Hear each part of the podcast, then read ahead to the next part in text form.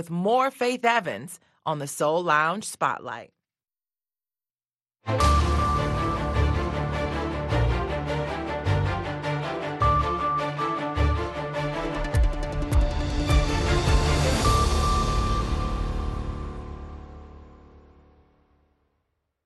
halkani waa washington laanta afka soomaaliga idaacadda v o a oo aad ka dhagaysanaysaan muwjadaha gaagaaban efemyada geeska afrika iyo caalamkao dhan oo aad nagala socotaan v o a somali com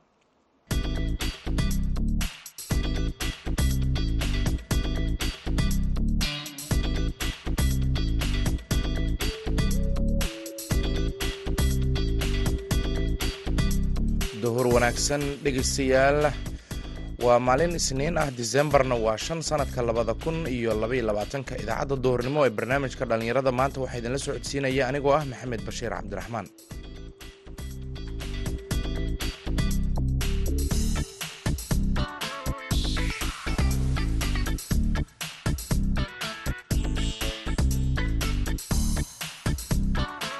qodobada aad ku dhegaysan doontaan idaacaddeenna duhurnimona waxaa ka mid ah dhallinyarada magaalada berbera oo la barayo hagaajinta iyo rakibaadda qalabka qaboojiyaha ee guryaha iyo xafiisyada ee xilliyada kulaylaha laga faa'iidaysto.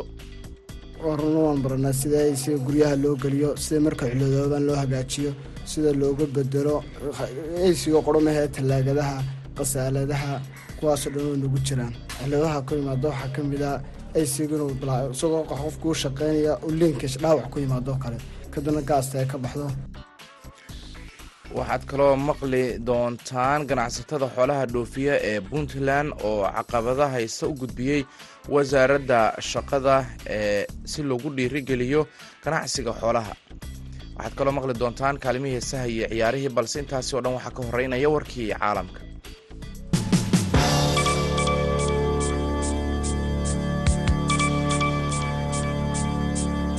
militariga suudaan iyo hogaamiyaasha rayidka ayaa isniinta maanta ah la filayaa inay saxiixaan heshiis bilow ah oo looga gon leeyahay in lagu soo afjaro qalalaasaha ba'an ee hareeyay dalkan ku yaalla waqooyi bari afrika oo afgembi uu ka dhacay sanad ka hor. Madaxa ciidamada cabdifitaax al burhaan ayaa awoodda la wareegay bishii oktoobar ee sannadkii hore taasi oo meesha ka saartay nidaamkii loogu guurayay xukunka rayidka ah ee soo bilowday labadii kun iyo sagaal iyo tobankii oo talada laga eriyey hogaamiyihii dalkaasi cumar xasan al bashiir heshiiska oo lagu wado in isniinta maanta ah la kala saxiixdo ayaa waxaa lagu wada xaajooday iyadoo goobjoog ay ka ahaayeen. Saraakiil ka kala socota qaramada midoobay midooda afrika urur goboleedka igaad iyo diblomaasiyiin reer galbeed ah. Heshiiska ayaa lagu saleeyey soo jeedin ka timid ururka qareennada suudaan sida lagu sheegay bayaan ka soo baxay ururka ugu weyn hay'adaha bulshada rayidka ee dalkaasi ee lagu magacaabo xogaga xorriyadda iyo isbeddelka ee f f c f f c ayaa sheegtay in heshiiskan uu qeexayo qaabdhismeed aasaas u ah dhisidda maamul rayid ah oo kumeel gaar ah iyadoo intaa ku dartay in asbuucyo gudahoodna lagu gaari doono heshiiskama dambays ah oo wax laga qabanayo. Arrimaha ay ka mid yihiin cadaaladda iyo dib u habeynta ciidamada sicir bararka ka jira turkiga ayaa markii ugu horreysay tan iyo bishii may ee sannadkii labadii kun iyo koob iyo labaatankii hoos u dhacay. Bishii hore ee novembar sida isniinta maanta ah sheegeen saraakiisha dalkaasi taasi oo xoojinaysa madaxweyne rajeb tayib erdogan ka hor doorashada madaxtinimo ee dalkaasi ka dhacaysa sanadka dambe sida ay sheegtay hay'adda tirakoobka t u i k. Heerka sicir bararka ayaa hoos u dhacay siddeetan iyo afar dhibic soddon iyo sagaal boqolkiiba halkii uu joogay bishii oktoobar oo ahayd siddeetan iyo shan dhibic konton iyo kow boqolkiiba. Sicir bararka turkiga ayaa si joogto ah kor ugu kacayay tan iyo markii uu hoos u dhacay bishii may ee labadii kun iyo labaatan iyo kowdii xaaladda adag ee dhaqaale ee soo wajahday dalkan dhaqaale ahaan soo kobcaya ayaa isku bedeshay caqabad weyn oo ku gadaaman dadaalka erdogan uu ku doonayo inuu xafiiska ku sii joogo doorashada madaxtinimo ee dalkaasi ka dhacaysa bisha juun ee sanadka dambe. Ugu dambeynna madaxweynaha iskutaga imaaraadka carabta ayaa isniinta maanta ah waxaa u bilaabatay booqashadiisii ugu horreysay ee uu ku tago dalka qatar tan iyo markii uu dhammaaday ku dhowaad afar sano oo go-doomin ah oo dalalka gobolku ay ku soo rogeen dalkaasi kaasi oo xiriirka labada dalna xumeeyey. Mas'uuliyiinta qatar ayaa sheegay in sheekh maxamed bin zaayid al nahyan uu garoonka diyaaradaha ku soo dhoweeyey amiirka dalka qatar iyadoo safarkan uu ku soo aadayo xilli dalka qatar ay ka socdaan ciyaaraha koobka adduunka. Waa booqashadii ugu horreysay ee rasmi ah tan iyo bishii janaayo ee labadii kun iyo koob iyo labaatankii markaasi oo dalalka sacuudiga uu hogaamiyo. Ay ka laabteen go-doomintii ay dalkan gaaska qaniga ku ah saareen bishii juun ee labadii kun iyo toddobiyo tobankii dhaxal sugaha sacuudiga maxamed bin salmaan ayaa waxa uu horey ula kulmay amiirka dalka qatar furutaankii ciyaarihii adduunka iyadoo uu ka qayb galay ciyaaraha isagoo xiran calanka qatar. Inkastoo ay tahay booqashadii ugu horreysay ee madaxweynaha imaaraadku ku tago dalka qatar tan iyo markii ama lagala laabtay go-doominta haddana xiriirka labada dal ayaa si tartiib tartiib ah u soo hagaagayay. Warkii dunidana dhegeystayaal waa naga inta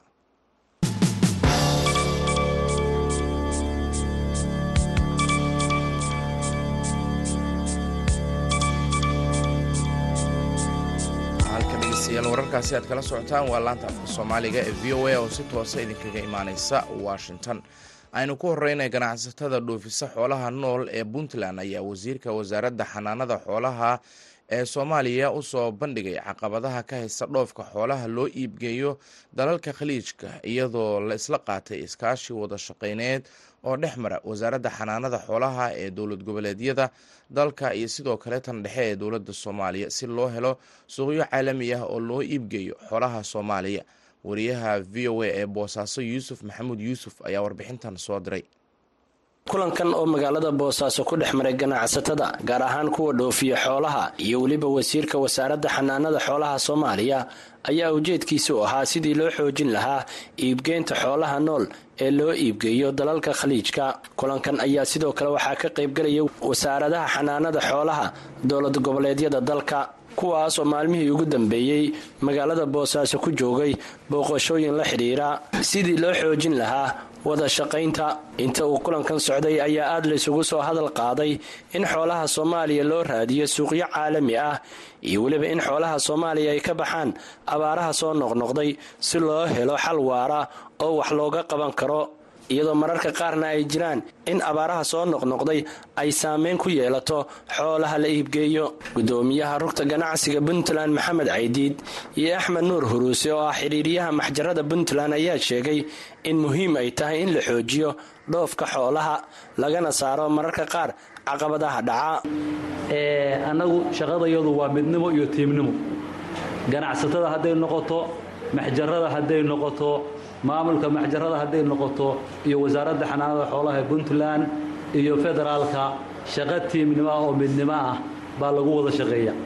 Waxaanu ku ballannay ama ku ballansannahay insha allahu intaayo inaan uga sii dhowaanno wasiirku dardargeliyo howlaha iyo wixii u dhiman suuqyo iyo horumar la raadiyo iyo meelo kaloo suuqyaha oo xoolaha loo raadiyo. Maanta xoolaha soomaaliya waxay banyaal u yihiin dowladaha loo dhoofiyo. Ma baxaan qiimihii lagu talagalay ma helaan suuq fiican ma helaan daryeel fiican ninka ganacsadaha soomaaliyeed ee dibadda joogaana ma helo lacagtii uu xoolaha ka bixiyey inta badan. Ama inta badanba waa laga dhacaa. Arrimahaana waxaa fursad siinaya hanaanka dowladnimo oo aan xoog lahayn runtii ama aan xil iska saarin in sidii xoolaha soomaaliya ay u heli lahaayeen elsi ay ku dhoofaan oo ninka ganacsadaha soomaaliyeed xoolihiisa foob ugu qaadaan markuu markabka saaro lacagtiisa u qaadan lahaa arrintaa marka waxaa la rabaa dhaqaalo badan oo malaayiin doolar ah ama bilyans gaaraya ee ummadda soomaaliyeed sanadkiisa kaga luma waxaa la rabaa wasaaraddu inay hawshaas awood fiican geliso wax badanna ka qabato. Runtii shirkan aynu kuma filna. Wasaaradda xanaanada xoolaha iyo wasaarada iyo wasaaradaha wasaaradda beeraha federaal iyo kuwa maalgoleedyadaba waxaa la rabaa inay iskaashi ka sameeyaan nolosheenna rasmiga ah xoolaha aad baa ganacsade axmed imbeeye oo ka mid a ganacsatada puntland iyo nabadoon siciid xuseen cali oo ka hadlayay madashan ayaa docdoodu sheegay in xanuunada xoolaha ku dhaca ay saameyn ku yeelato iibkooda iyagoona ka codsaday wasaaradda xanaanada xoolaha soomaaliya in laga caawiyo daaweynta xoolaha gaar ahaan xanuunka loo yaqaano riftifaariga waxyaalo looga baahan yahay annagu haddaanu ahay ganacsato ahaan hadda dowladda ilaa heer federaal ku saabsan dhoofka xoolaha caqabadaha jira oo hadda waxaa ka mid ah waxaa loo yaqaano rifti valley xoolaha hadda laga baaro oo ah kiisaska ugu badan oo caqabada kuwa marka la yidhaahdo hadda sacuudiga waxaa kale oo jira lo-du ma dhoofto marka la yidhaahdo sacuudi arabia waana suuqa ugu ballaaran xoolaha qaata geeska africa marka waxaa naga horreeya suudaan waxaanu ahayd waddanka labaad runtii hadda waxaan maraynaa in laga dhoofiyo lo inta la dhoofiyo aanu geyno urdun. Urdun laga soo tallaalo dabadeedna dib loogu soo celiyo sacuudiga. Arrintaasi waxay u baahan tahay iska kaashi heer federaal iyo heer maamul goboleed. Waa lagu liibaanay xoolaheenni haddeer intii laba xirin maxjarada la ii jireen. Waa kuwaa shaqaynayo oo maaragtay adduunka xoolihii loo qiibgeeyaa laakiin waxaanu tabaynaa dee gacanqabe maaragtay wasaaradaha xanaanada xoolaha. Daawooyinka haddeer wax lagu baaro waxaanu ka keennaa dibadahaasaan keennaa lacag kharash badan bay nagu soo gashaa dowladaha ama ha noqoto kuwa lookalka ama dowladda weyn ha noqoteen wax naga soo gaara weli ma hayno wasiirka wasaaradda xanaanada xoolaha soomaaliya xasan xuseen maxamed ayaa sheegay in loo baahan yahay inay isku xirnaadaan wasaaradaha xanaanada xoolaha dowlad goboleedyada iyo weliba dowladda federaalka iyo weliba ganacsatada si aysan u dhicin khaladaad ku yimaada dhoofka xoolaha isagoona sheegay in dhowaan la bilaabi doono dhoofinta hilibka xoolaha. Ka wasaarad ahaan ama ka dowlad ahaan ilaahay idinkii waxaan ka shaqayn doonnaa in suuq loo helo xoolaha soomaaliya meel walba uu yahayba. Oo loo suuq geeyo oo ganacsatada soomaaliyeedna ay ka faa'iidaan dadka kale xoolo dhaqatada soomaaliyeedna ay ka faa'iidaan insha allahu tacaala. Waxaan kaloon ku dadaali doonnaa meelaha hadda la geeyo xoolaha soomaaliya sida sacuudiga cumaan iyo meelaha kaleba.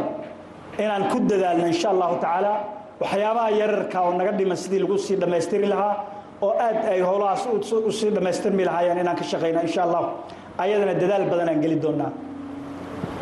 Waxaan kaloon ku dadaali doonnaa aan rabaa ganacsatada maanta inaanu sheego oo shaqadeedana meel fiican aan marsiinaynaa keliya ma rabno in xoolaha nool keliya aan ka shaqayno waxaan rabnaa in dhoofkii hilibkana dib loo bilaabo. Insha allah aadaan oga shaqaynaynaa hilibka.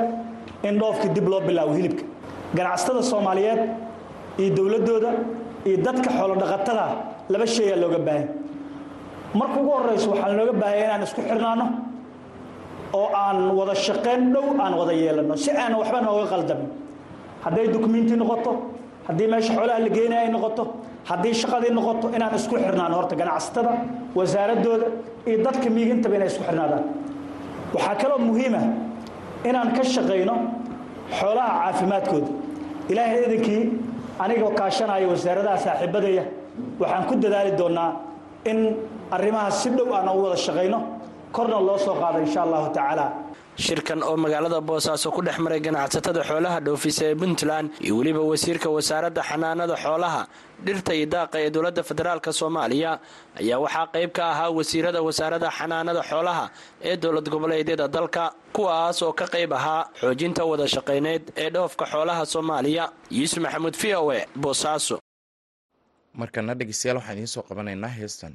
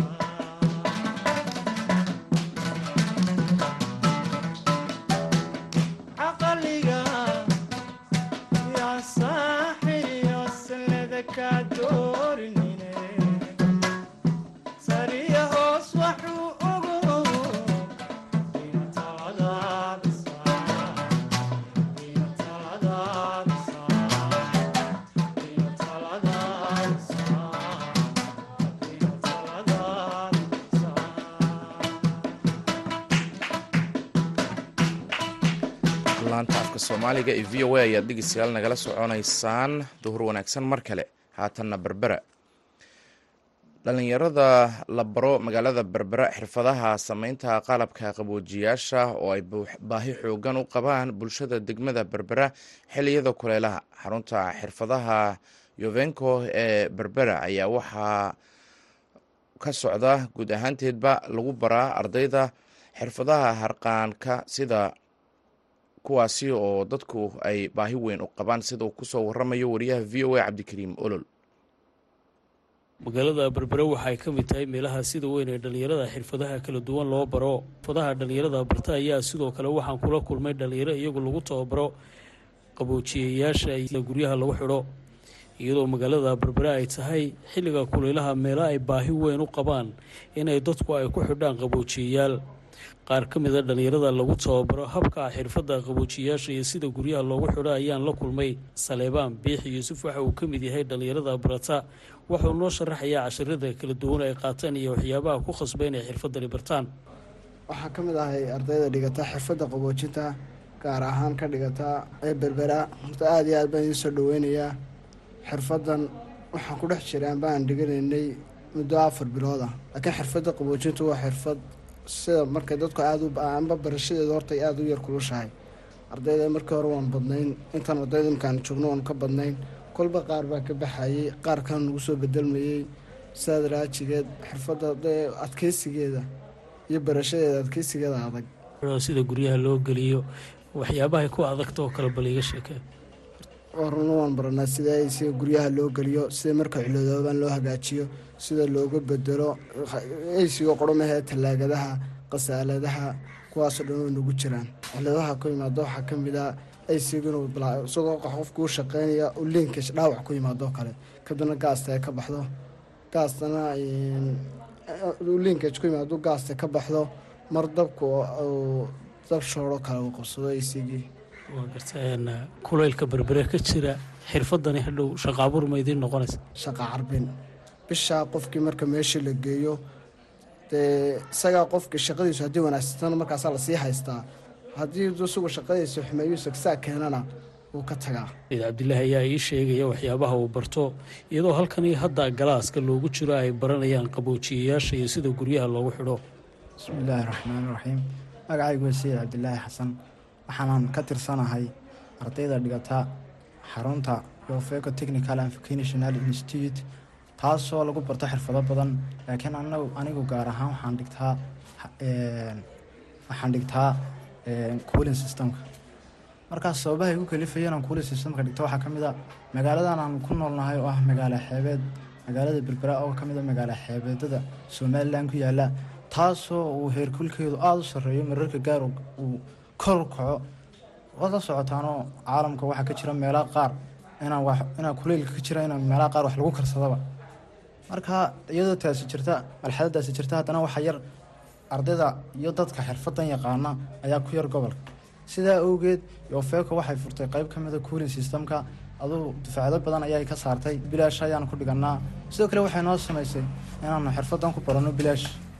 Ay hadhowna ay noo ballan qaadi karaan inayna geeyaan goobo aanu ka sii wadano oo ah intership ama goobo aanu kaga shaqeyn karno sida caadiga waa garta sida loo furfuro iyo sida loo xidhxidho qeybaha kala duwan waa laydin baraa? Haa sida iminka eesigii hadeer waanu wednay oo waanu waanu waanu furfurnaa waanu xidhxidhnaa waanu kicinaa qabow ayaanu ka sameynaa waanu qaboojinaa. Sidoo kale sidoo kale waxaa noogu jirtaa gaasayntii gawaadhida talaagadihii sidoo kale talaagadii waanu sameynay sidoo kale ugbaad maxamed cumar waa hooyo iyaduna waxa ay barataa xirfadaha. Waxa ay sheegtay inay halkani xirfadda qaabka qaboojiyayaasha iyo qeybaha kala duwan ay ka kooban tahay ay barato. Ugbaad waa hooyo saddex caruura haysata. Marka hore walaa waan ku salaamaya. Soo dhawow magacayga anigu ugbaad maxamed cumara. Walaal maxay ahayd muddo waxaan dhigananay afar bilooda oo bisha shanaad marka noo gelayso wallaahi aad baan ugu faraxsanahay intaasoo wiilal oo dhowr iyo labaatan qofa in anugu ka mid ahaado aad baan ugu faraxsanahay. Si bilaasha nagu dhigo macalimiintayaduna iyo feenko. Haa waxaan doonaya marka tahay hooyo maaragta waxaa doonaya wax noqonaysa inaad noqoto hooyo dhabar adagoo dee nolosheeda maareyn karaysa alxamdulilah oo dee waxna bariiskeeda meel nooga baahan aad soo dhicsan karta bariiskaaga. Marka insha waxaan doonaya inaan ku shaqaysta haddii la yidhaahdo inaan ku hormaro waxyaaba aan dumarka qaban jiray inaan qabto aad baan u jecelahay garta markaad u sheekaysa ka waran gabdhaha oo kale aad tidhaahdo qalabka la furfurayo qaboojiyayaasha iyo baanbartaa bal iga war. Wallaahi arrinkaasi marmarka qaar waa lagu qoslaa waxaa lagu dhahdaa si maxaa ku noqon karaysaa walaalaydu waan u arkaa oo dee kama khajilayo iyaguna waxbarasho u imaadeen anna waxbarasho u imaadeen meeshana waxaan ahayn dhowr boqol baan heno waxaan galnay intixaamaan galnay intana waxaan galnay su'aalaan la weydiiyey. Waxaan ku soo baxnay nasiibkayga haddii ilaahay calafkayga usiiya inu soo baxay. Aad baan u jecelahay iminkana in la dhammaysto oo hadda goobahay u shaqo tagay loo geeyey inaanu raaca xataa waan jecelahay waa dee marka qalabkan oo kale laga shaqaynayo dee waa meelaha qaarkood derbiyada lagu xidhayaa bal ka waran waa wallaahi inkastoo iska yar dee haddana waxaad ma garanaysaa wuxuu waa niyadda haddaad niyaddaada u soo jeedo qalbigaaga u soo jeedo waxan waad baranaysaa. Baraa shan cishaan dhiganaa waa wiigii waxaan ka dhiganaa shan cisho laba cisho waa barat ti cashar dhiganaa laba saddex cishona baratikaal baan qaadanaa. Oo qacanta kaga shaqaynaa saddexda cisho. Mustaqbalka maxaa rajeynaysaa inaad ku shaqayso xirfadda mustaqbalka anaga iyo ardayda waxaan rajeynaya insha allah inaan ku shaqaysano oon ku horumarno sida kuwii horeba ay kaalmo fiican ka galeen oo naga horeeyey oo meesha ka baxay in anaguna sidoo kale kaalmo fiican ka galno oo nagu hirsado. Weliba anagu aada u jecla inaan meel aan ka soo muuqdo oo anoo shaqaynaya. Kuwaasina waxay ahaayeen qaybo ka mida waxay ahaayeen dhalinyaro la baro qaboojiyayaasha iyo sida loo xidhxidho dhalinyaradan ayaa tababarka ku qaadanaysay magaalada berbera iyagoo ay iga sheekeeyeen xirfadda kala duwan ay dhiganayeen. Cabdikariin nolol v o a magaalada berbera. Mahadsanid cabdikariin markana dhegeystayaal waxaad ku soo dhawaataan xubintii cayaaraha waxaana magaalada muqdisho ku soo diyaariyey mahad cali xidir